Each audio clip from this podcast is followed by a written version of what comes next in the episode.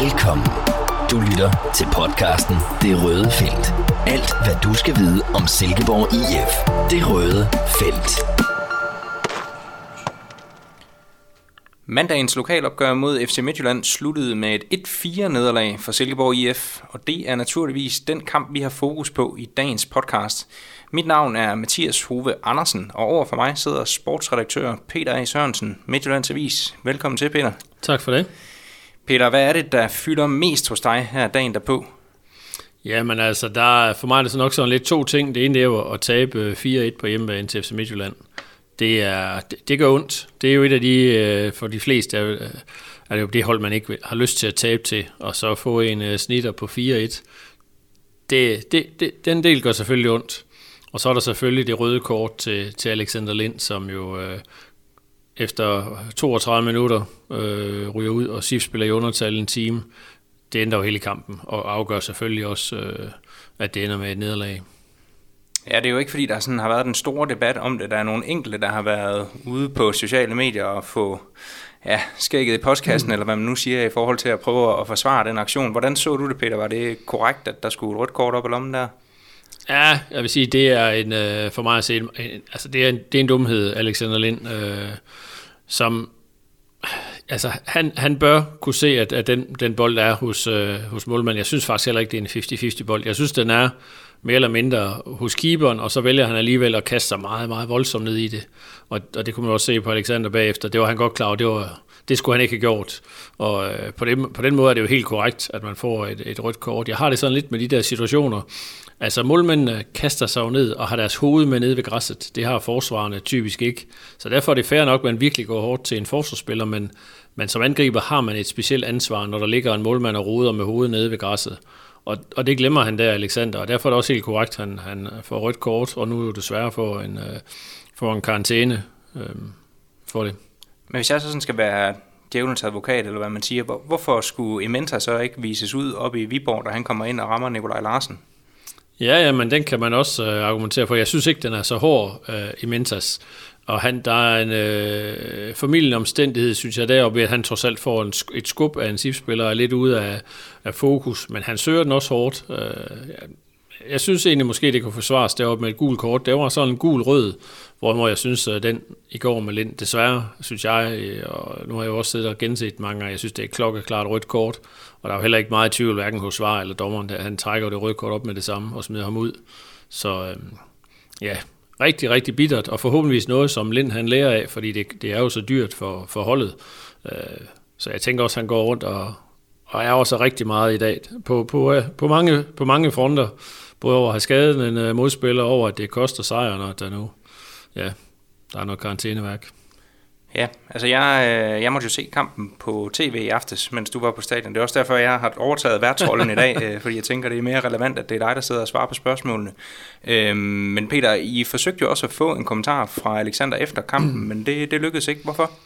Nej, altså man, jeg tror det var i samråd med SIF, valgte man at sige, at han ikke, at han ikke skulle svare på spørgsmål, øh, hvilket jeg, jeg, jeg måske også synes, vi kom til at virke lidt underligt, også fordi Alexander var faktisk nede i mixzone, og var hen og spørge FC Midtjylland øh, folkene omkring, øh, øh, hvordan det gik med, øh, med, med keeper og sådan noget, med keeperen, så derfor kom det faktisk for mig til at virke lidt underligt. Jeg, jeg tror også, øh, det er selvfølgelig svært. Det er en ung mand, og jeg kan godt forstå, at man har nogle overvejelser omkring, hvordan man lige skal takle den situation.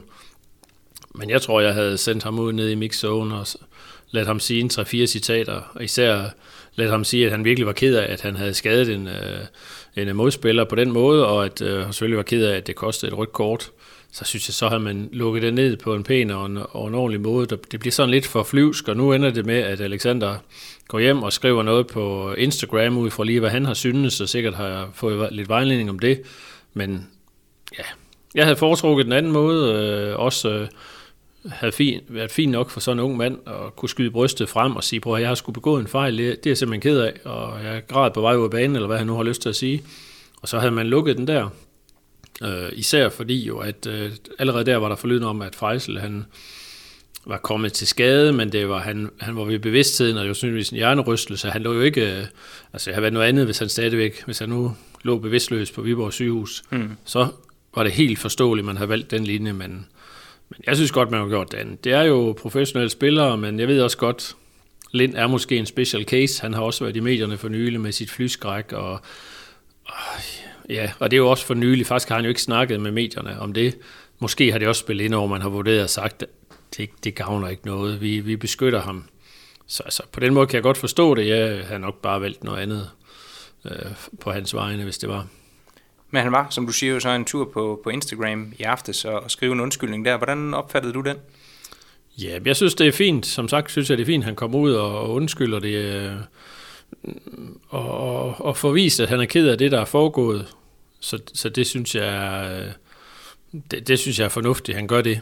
Og, og, og for mig at se, synes jeg, det vigtigste er at få sagt i den situation som spiller, synes jeg, det er at få sagt, jamen, øh, at, at jeg er rigtig ked af, at, at jeg har ramt en modstander, og det, det får han jo også sagt i sit... Øh, i, i sin besked der, og får så samtidig også øh, sagt, at han er ked af øh, i forhold til holdet, for det må man jo sige, det koster jo dyrt, og det er røde kort, så det er jo bare en, en dårlig beslutning på, på rigtig mange områder med, med, med store sportslige konsekvenser. Men heldigvis jo ikke ser det ud til nogle konsekvenser for, for SM-keeperen.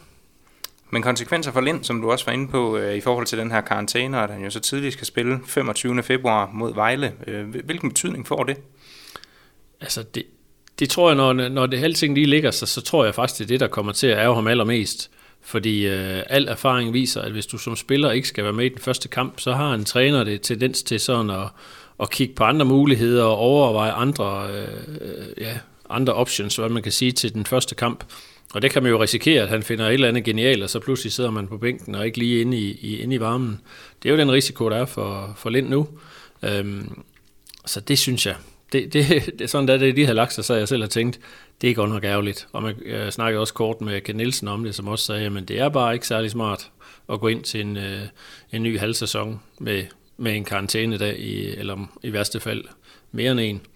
Så øh, det, er, det er bittert for unge Lind, jo, som man, vi må virkelig må sige har været i, i uh, skudlinjen, havde han sagt, eller har taget opmærksomheden i, på, på godt og ondt her i, uh, i efteråret.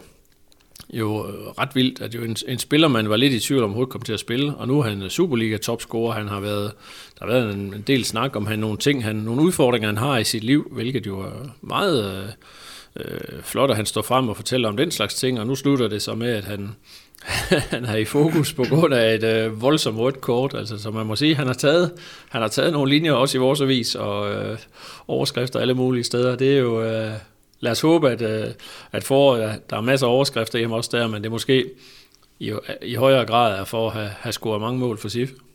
Ja, for i forhold til det der med karantænen, jeg kan huske en lidt tilsvarende situation, som så også var noget anderledes dog på grund af coronapandemien, men, men Svend Krone jo, som fik et rødt kort og endte med at miste sin plads øh, til Rasmus Karsten, som jeg husker, i den, den periode der, fordi at ja. der kom så lang en pause. Men er vi, er vi egentlig i en situation, hvor Alexander så kan risikere at miste sin plads i front?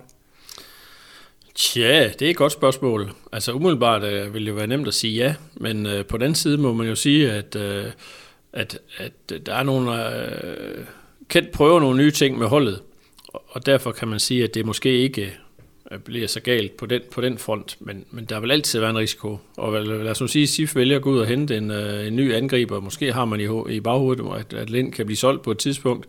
Kommer der en ny ung spiller ind, der pludselig buller igennem. Altså, det er aldrig godt for en professionel spiller at være udenfor. Der, der er en risiko ved, hvad der kan ske, at andre griber chancen. Øh, jeg tror nu, hvis han stadigvæk er i klubben, og ikke bliver solgt, så tænker jeg nok, at, øh, der skal være en del spilletid til Alexander også i foråret. Mit navn er Pelle Madsen, og du lytter til Det Røde Felt.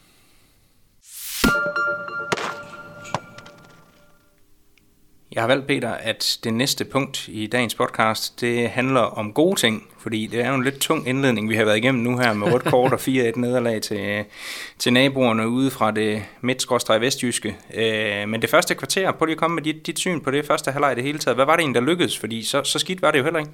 Nej, jeg vil også sige øh, meget positiv indledning på kampen, hvor man sådan sad, var lidt, jeg var da lidt bekymret for, om FC Midtjylland kommer og ville trykke øh, SIF langt tilbage med den der fysik, som de har. Og det var så det stik modsatte, et øh, sprudlende SIF-hold, noget man måske også har savnet lidt i nogle af de seneste kampe, hvor resultaterne ikke lige har været der.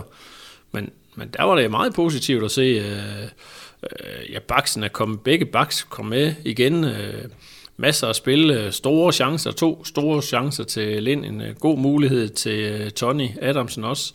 Øhm, så der var, der var mange positive ting, og det var også kendt forsøgt også at skubbe opmærksomheden over på det, Ken Nielsen, efter, efter kampen. Fordi man jo har det med at falde over i grøften og snakke om, om Lind og alle de dårlige udvisninger og fejl og hvad ved jeg, men der var meget positivt i første halvleg, og det var jo også positivt, at man, øh, man når at komme bagud, man kommer jo altså igen, og der står 1-1 ved pausen, og egentlig ser det jo ok ud, selvom man er nede med 10 mand. Så ja, der, der satte jeg mange plusser, og jeg tror også, at Kent tænker, at der er noget fremtid i det her, som, som man har gang i. Ja, fordi vi havde jo selv beskrevet, øh, at Kent havde leget lidt med et formationsskifte op til den her kamp øh, i reserveholdskampen, eller træningskampen, må man vil, mod Hobro tidligere på ugen. Jamen der var han jo gået over til at spille 4-4-2 med en diamant på midten. Øh, og det så vi jo faktisk også der i går. Hvordan synes du, øh, de slap fra det? Jamen altså, nu, det er selvfølgelig svært at vurdere ret meget på en kamp, hvor man bliver 10 mand efter 32 minutter, men hvis man tager den første halve time, øh, så vil jeg sige, at de første 20 minutter var jo rigtig godt, meget positivt. Øh, problemet er, at man ikke scorer, og det er jo selvfølgelig forskellen på de allerbedste hold og, og SIF, der måske ligger i den der subtop i øjeblikket, fordi havde man nu kommet foran et, man kunne for den sags skyld have været foran 2-0, havde det været en helt anden kamp. Øh, der hvor så, man kan sige, den lille bitte tvivl kommer ind, det er jo, at FC Midtjylland scorer jo altså. SIF når at komme bagud, mens man spiller med den her formation, øh, og stadigvæk er 11 mod 11. Så, så der er også, det er, det er jo der frygten er ved at spille 4-4-2, det er om SIF har defensiven til det. Den er jo blevet rigtig god efter, man har pakket sig lidt mere sammen, men, men tidligere så man jo, at øh, SIF lukkede rigtig mange mål ind, og det var jo dengang, man spillede 4-4-2. Kent var så ude og justere lidt og sige, jamen, at det jo ikke er en klassisk øh, måde, de spiller den opstilling på. Altså, Tony flager lidt, altså til tider rykker han ned, og så er man måske pludselig fem mand på midtbanen i stedet for. Men jeg tænker, det trods alt er med, med pil op, men med den der lille bekymring om, om defensiven øh, holder vand i, øh, på den måde. Det skal selvfølgelig så også lige siges, i går var Tobias Salkvist ude med, med sygdom, og det har selvfølgelig også enorm betydning. Han har været utrolig vigtig i det forsvar, og lidt pudsigt at se, at en spiller som Nikolaj Larsen så heller ikke har sin bedste kamp på en dag, hvor, hvor Tobias er væk. Så altså, der, er jo, der, der ligger uden tvivl også noget i lige den del. Mm. Jamen, inden han begyndte at spille med det her efterhånden berømte juletræ, så var det vel også sådan lidt en, en 4-1, 4-1 ja. øh, med Lesniak på den defensive midtbane, og så var det Brumado, de vel egentlig brugt helt fremme på det tidspunkt der. Øh, det er ved at være noget tid siden, man har set, at han egentlig har været inde og eksperimentere med, ja. med jamen, bare med, med formationen på den der måde, og, og dermed Hobro, der synes jeg jo faktisk, det så rigtig, rigtig interessant ud. Øh, de scorede fire gange på 29 minutter, øh, ja. og, og var virkelig dominerende på bolden, på en måde, som jeg ikke synes, vi har set dem i, i et godt stykke tid. Og det var egentlig også den fornemmelse, jeg sad med i det der første kvarter i går. Der synes jeg, vi var tilbage ved nogle af de der siftdyder fra jeg ved ikke, om vi skal hive det helt op på bronzesæsonen, men i hvert fald fra da de var bedst egentlig. Øh, mm. Var det også det indtryk, du havde? Ja, det synes jeg. Det var øh, meget, som jeg også sagde, meget øh, løfterig. Altså, der var mange, mange positive ting, men jo netop i bronzesæsonen havde man jo på det tidspunkt Helenius, der scorede nærmest på alt. Altså man kan sige, havde en af de der indgriber nu bare puttet bolden ind, så kunne tingene have set meget anderledes ud. Så det er jo igen det der med, ja, der er positive ting, men der mangler, der mangler altså lidt effektivitet, øh, på trods af, at Lind jo har været skarp, så han burde have scoret i går i de første 20 minutter. Øh, men ja, det kan vi jo altid snakke om. Hvis vi så også lige skal ind forbi karakterbogen. Øh, det er jo sådan en rigtig, rigtig svær kamp at give karakter på baggrund af, også på grund af det, du siger med, at den skifter så meget karakter, som den gør. Både på grund af det øh, røde kort, men også jamen bare hvis man kigger på anden halvleg isoleret, det er jo kun FC Midtjylland, der har afslutninger på mål. Så det, det afspejler det jo også. Men, men hvem er det alligevel, der, sådan, der stikker ud i dagens avis i, i positiv retning? Jamen altså, vi var, det er jo faktisk, øh, det kan, jo, kan man godt røbe her i, i sådan en podcast som den her, at vi jo faktisk virkelig sidder længere og diskuterer, hvem vi synes, der er bedste cifre, og egentlig også, øh, der er plusser og minus, og, øh, og vi, de to, som vi sidder og, og vender, det er jo Pelle Madsen og Mark Brink, og faktisk på, på meget, hvad skal man sige, meget forskellig vis, hvor jeg synes jo, Mark Brink var fremragende i første halvleg. Han er også med i, ligger op til målet, Sifs udligning kort før pausen, og i hele taget er, er en af årsagerne til, at den her nye opstilling også fungerer så godt. Og derfor havde jeg ret ham egentlig længe, hvor jeg tænkte, så jeg tænkte, at han var bedste cifre, men altså han falder jo meget ud i anden halvleg. Det trækker jo også kraftigt ned hos ham. Modsat uh, Pelle Madsen er ikke, synes jeg ikke er helt så fremtrædende for mig i første halvleg. Han er stadigvæk rigtig god, en af de bedste cifre. Hans fordel er så, at han, som om, at han holder niveauet. Han, han er en af de få, der kan, sådan, ikke, ikke om man kan tillade sig at sige, hvad sin indsats bekendt i anden halvleg, men han gør det faktisk, uh, han gør det også fornuftigt efter pausen. Så, så det er de valg, man står, og, og jeg vil være ærlig at sige, at altså, den kunne lige så godt have faldet på Pelle, som på nu ender det med at blive øh, Mark Brink. Og det bliver så nok den, den lille, lille del, der bliver udslagsgivende, det er nok det, at han trods alt ligger op til et mål. Øh, eller så var det blevet Pelle i stedet for. Øh, men, men det var også svært. Det var svært. Hvordan oplevede du det selv? Altså, øh, du, du roser også. Du, du synes også, Pelle var spillede en god kamp. Altså for mig var det Pelle, der, der stod klarest i billedet. Jeg synes også, han var rigtig god i første halvleg faktisk. Ja. Øh, både med bolden, men også i duellerne. Og sådan, jeg synes, at han havde et fint overblik og jamen, egentlig ro, ro på, øh, på de ting, som han foretog sig. Og så netop også det der med, at han i anden halvleg egentlig kører videre i, i samme spor. Sifa ikke lige så dominerende på bolden, som de var i første halvleg, men jeg synes jo, at han, han kommer med, med 100 procent. Altså, mm. Jeg tror også, det er kort før, der bliver fløjtet af, at han begår et frispark øh, op i et højt ja. pres. Så jeg synes, du får den, den arbejdsindsats og den iver, som der egentlig også skal til i, i en kamp, hvor man ja, kommer på hælene efter pausen og, og skal spille med 10 mand, der var han i hvert fald øh, vigtig og ja, stod klart i billedet hos mig. Men det der frispark, du snakker om, er vel også lidt frustration, er det ikke det? Er det ikke også det, han, øh, han vil have i sit spil, Pelle, at hvis det er sådan lige, så, så bliver det også lige klasket igennem? Øh, det ved jeg ikke, om jeg nødvendigvis vil synes, det er positivt, men det kan selvfølgelig godt være. Ja, jeg synes i hvert fald, at det, det viser noget om den karakter, han har. At han stadigvæk på det tidspunkt i kampen er ja. helt derop. Så øh, ja, det er jo ikke fordi, vi sådan skal sidde. Det, det kører der jo også en lille debat omkring, om man skal opfordre folk til at lave frispark eller ej. Så nej, Peter, den parkerer vi, men jeg synes egentlig bare, at, øh, at Pelle han skulle have et par, par fine ord med på vejen herfra ja. i hvert fald. Enig, helt enig. Det tredje punkt, du har været kort ind og berørt det, men det er Salkvist, som jo var ude med sygdom mod Midtjylland, og hvilken betydning det sådan øh, fik. Hvordan synes du, det centrale forsvar det klarede sig? Jamen altså, hvis jeg først lige skal starte med at presse en forudsætning ind, så er det selvfølgelig, øh, har det jo stor betydning for en defensiv, når man spiller 10 mand i en time, plus øh, ja, en lille time plus øh, tillægstid. Fordi at, øh, jeg tror egentlig, jeg, eller jeg sad i pausen og tænkte, okay, jeg synes faktisk, øh, Felix har sluppet ganske godt fra det. Bemærkede også, at han sådan øh, forsøgte at, at vejlede lidt ind på banen, og øh, Bush har gjort det okay. Så jeg sad og tænkte, okay, det, det er måske ikke... Øh, han kan måske godt undvære Salkvist i nødstilfælde, altså selvfølgelig vil han være en forstærkning, men jeg, jeg, efter første 45 minutter tænker jeg, det er fint nok. Men til gengæld synes jeg så, at de begge to virkelig falder markant efter pausen.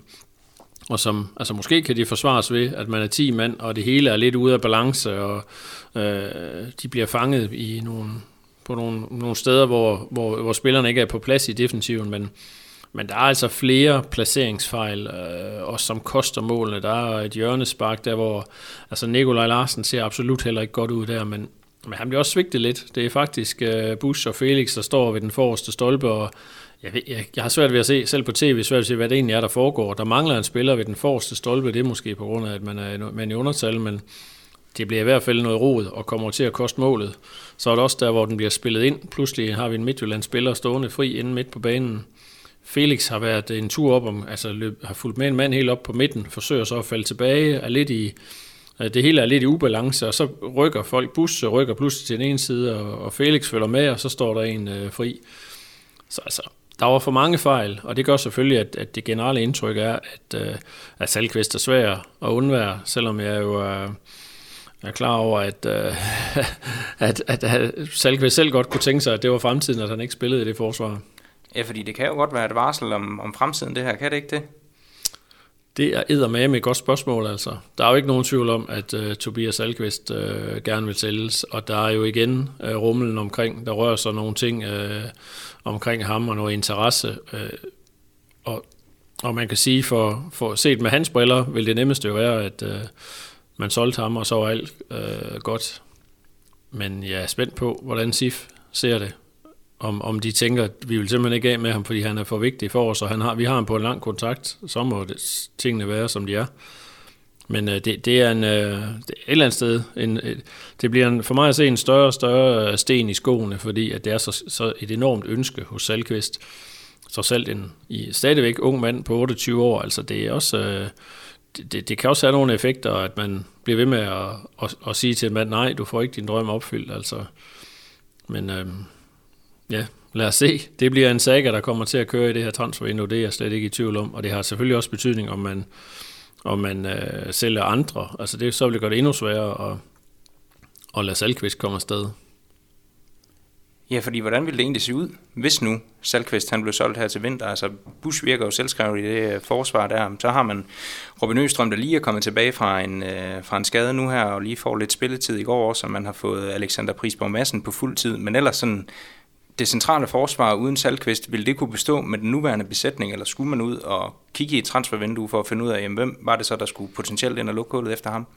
Altså, det er, det er godt. Det, det, er, det er også et rigtig godt spørgsmål. Men jeg tænker lidt, at hvis nu forhåbentligvis vi øh, får SIF ind i top 6, som jeg jo forventer, vi gør, øh, så giver det altså trods alt mulighed for at prøve nogle ting af. Altså så skal man ikke tænke nedad, og man har allerede sikret en vis øh, som tv-penge. Og så vil jeg sige, så hvis det skulle være, så kunne det være et tidspunkt, hvor man sagde, okay, så tør vi godt at sælge Salkvist, fordi risikoen er ikke ret stor. Vi slutter nummer 6, uanset hvad. Og så vil man jo kunne give, øh, give, give chancen til Bush og øh, Felix til at spille sammen, for man kunne se med Alexander Bush, da han kom på holdet i første omgang, der var han altså heller ikke imponerende. Han begik nogle, nogle trælsfejl, men hans niveau er jo steget væsentligt, efter han har fået fast spilletid. Og det kan jo ikke udelukkes, at hvis man lader de to spille sammen i 15 kampe, at så, øh, eller hvor mange af de nu kan nå at få, og så, jamen, altså, så vil de løfte deres niveau, og så kan det godt være, at du har et midterforsvar, som er brugbart.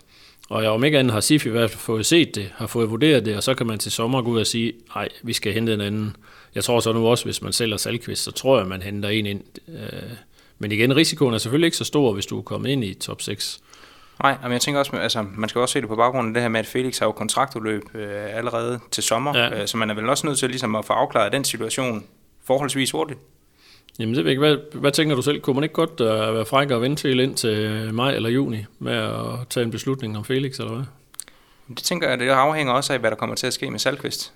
Altså, ja. hvis, hvis man sælger ham i det her vindue, og så ikke ved, øh, om man ønsker, at Felix han skal være her på den lange bane, så vil det jo også være forkert at bruge et øh, forår på at ligge og spille ham ind ja. i et forsvar, hvor han alligevel ikke skal spille. Ja, men så skal man jo sætte Østrøm ind. Så sige, at øh, vi tror på Østrøm og Bush, og så give dem chancen. Øh, men altså, man risikerer jo, især mod de gode hold, at det, det kan give en røvfuld i nogle kampe, og så vil vi andre jo stå og kritisere og sige, hvad er det, der sker. Men altså, der må ligge nogle overvejelser, men igen, altså, et, i top 6 giver det altså bare nogle muligheder, hvor man med ro i sindet kan sige, jamen okay, vi, vi kan tillade os at gøre nogle ting. Hvorimod hvis du ryger med ned i en bundregion, og sige, du har SIF, lad os så sige i værste fald, man blev hentet og kom ned og spille øh, bund 6, jamen så har man jo så mange point. At, at det er jo ikke ligesom uh, sidste år, hvor der pludselig man er ved at ryge med ned i noget nedrykningsspørgsmål. Så uh, Nej, ja, jeg tror, man, jeg tænker, at man gør sig rigtig mange overvejelser, også hvad, hvad betydning har det for truppen, og hvis, hvis man har Salkvist gået rundt og er utilfreds, altså kan der komme et eller andet tidspunkt, hvor man siger, at så er det ikke afgørende, om man får 8 eller 5 millioner for ham, at, at, at så det, giver det mest mening at få lukket den sag. Det er også lang tid, man diskuterer, og vi var også inde på det i de tidligere podcast.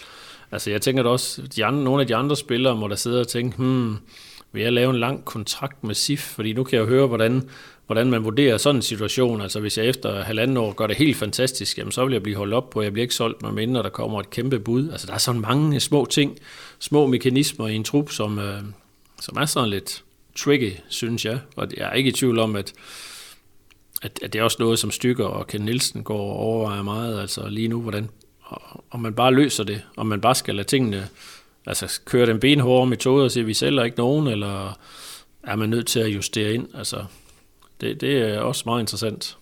Men hvad hælder du til med Felix? Kontraktforlængelse, eller skal man lade den løbe ud og så finde noget andet? ja, hvad, hvad tænker du selv? Vil du, vil du forlænge med ham, hvis du skulle tage? Lige her nu, lige her nu, nej, det tror jeg faktisk ikke, jeg vil. Øh, jeg synes, at han, han har fået en masse kampe, han har også spillet europæisk, men tilbagevendende synes jeg, det står, at vi har ikke set sådan en fuldstændig bundsolid øh, defensiv med, med Joel Felix. Øh, det er i hvert fald sådan mit indtryk her nu, så jeg, jeg vil ikke forlænge, men det var jo dig, jeg spurgte. ja, men altså jeg tror, jeg vil, øh, jeg vil helt klart afvente og se øh, til øh, hen i maj. Altså så må man løbe den risiko. I princippet kan jo så tegne med en anden klub.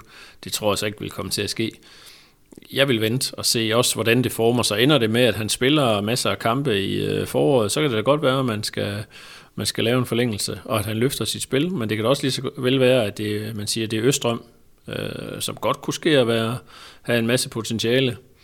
Øh, så ja, jeg, vil, øh, jeg tror, jeg vil sige afvent til maj-juni, og så måske endda vente til hele hen efter sæsonen, fordi der må alle lige må, må være andre øh, midterforsvar på nogenlunde samme niveau, du kunne hente, hvis nu i værste fald han, øh, han smuttede.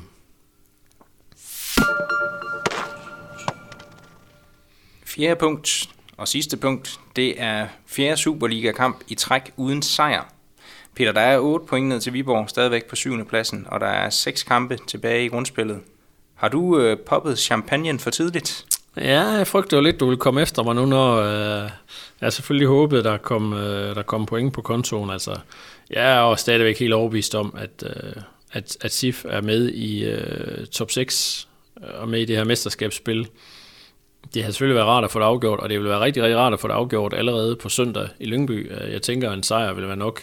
Altså man er selvfølgelig ude i den der teoretiske snak om, jamen kan Viborg seks kampe, hvor mange point øh, kan man forestille sig, de henter? Altså man, i teorien kan de jo vinde de fem, og så er de selvfølgelig med.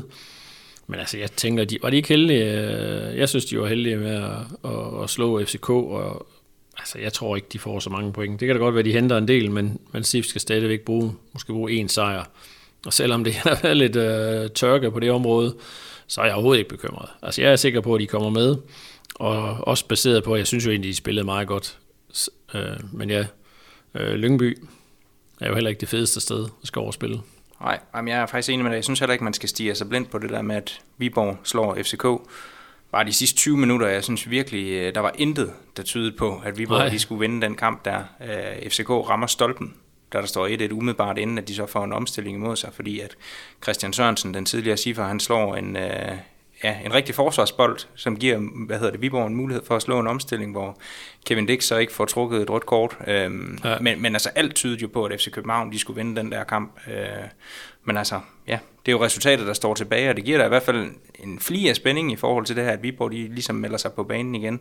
Men som du også er inde på, det, det betyder vel også bare, at den her kamp mod Lyngby, den i hvert fald ikke er blevet mindre vigtig. Nej, det kan man ikke, øh, det kan man ikke påstå. Og man kan sige, der er jo lidt et, øh, i den forbindelse et lidt forstyrrende element for SIF, med, som jo også har to øh, pokal kvartfinaler mod øh, FC København. Men øh, ja, og, og, det er jo lidt igen den der overvejelse, skal man, altså jeg tænker, Kent han sat, går all in på alle tre kampe, men hvis man nu skulle tænke den der tanke, at man, der var en, at man godt kunne justere lidt på, om det var 99,9 eller 100 procent, øh, og man så kunne være fristet til at sige, at vi vil så gerne i den der pokal øh, finale, så vi satser, vi går all ind i, i kvartfinalen, og så skal vi nok hente pointene i, i Superligaen. Altså sådan tænker man jo nok ikke. Men jeg ved ikke, om man... Hvad, hvad, hvad tænker du? Vil, vil man ikke gå... Altså selvfølgelig går man all ind på alle tre, eller hvad? Der tænker jeg også en kamp ad gangen. For det er jo det svar, vi plejer at være efter dem, når de giver os. Men, øh, men jo, det, det er da helt sikker på, at de gør det. Det er det, det handler om først og fremmest. Det er at ja, kigge på Superligaen, og så må man ligesom øh, tage pokalen efterfølgende. Også fordi det er jo en mega svær udfordring, de står foran der. FCK mm. over to ja. kampe. Øh, ja, selvom de står midt i et hårdt kampprogram, og så lige har skuffet resultatmæssigt, i hvert fald i Superligaen, så er der jo ingen tvivl om, at, at FCK vil være favorit over to kampe mod SIF i, i kvartfinalerne der. Så jeg tænker også all in, øh, selvom man jo så ikke har Alexander Lind med mod Lyngby. Og det bliver jo så også lidt, lidt interessant at se, hvordan Kent han så griber det an, fordi det ja. må alt andet lige betyde, at Tony han skal op og spille på toppen igen, og ligger man så ikke med to tiger bag ved ham, og så er tilbage i juletræet. Er det ikke der, vi er? Jo, eller også så skal man jo holde fast i den, den opstilling, man har nu, og så prøve øh, Tingsted af i sådan en... Så skal man skubbe øh, Tony helt frem, og så lade, lade Tingsted ligge i den der lidt mærkelige øh, halv 10 og halv angriberrolle, som det jo et eller andet sted har været. Det kunne jeg også godt forestille mig kunne være fristende. Det vil også lidt være der ellers. Er der skade? At man må gå ud fra, at øh, Salkvist jo er med igen, og altså, men det er igen det der med, der er de jo gode, og de bruger selvfølgelig timer på at sidde og analysere, hvad der bedst skal betale sig. I går var det jo også, fordi man havde kigget ud, at Midtjylland var, var lidt øh, central, ligger de kun med to, og på den, med den nye diamant, så lå SIF Plus med en mand i overtal, hvilket jo havde stor succes med. Der må jeg faktisk indrømme lige på stående fod, at jeg er ikke 100% klar over, hvordan Lyngby vil gribe sådan en kamp an. Øh, jeg kan bare konstatere, at jeg har været over efterhånden nogle gange på det seneste på Lyngby Stadion, og SIF har det sjældent godt derovre. Altså, Jeg kan slet ikke huske, kan jeg huske en sejr derovre, jeg har oplevet. Det kan selvfølgelig godt være, at de har haft den, men det er i hvert fald, det er sgu ikke nogen, uh, undskyld, jeg kom til at bande, men uh, det er i hvert fald ikke nogen nem kamp, der venter.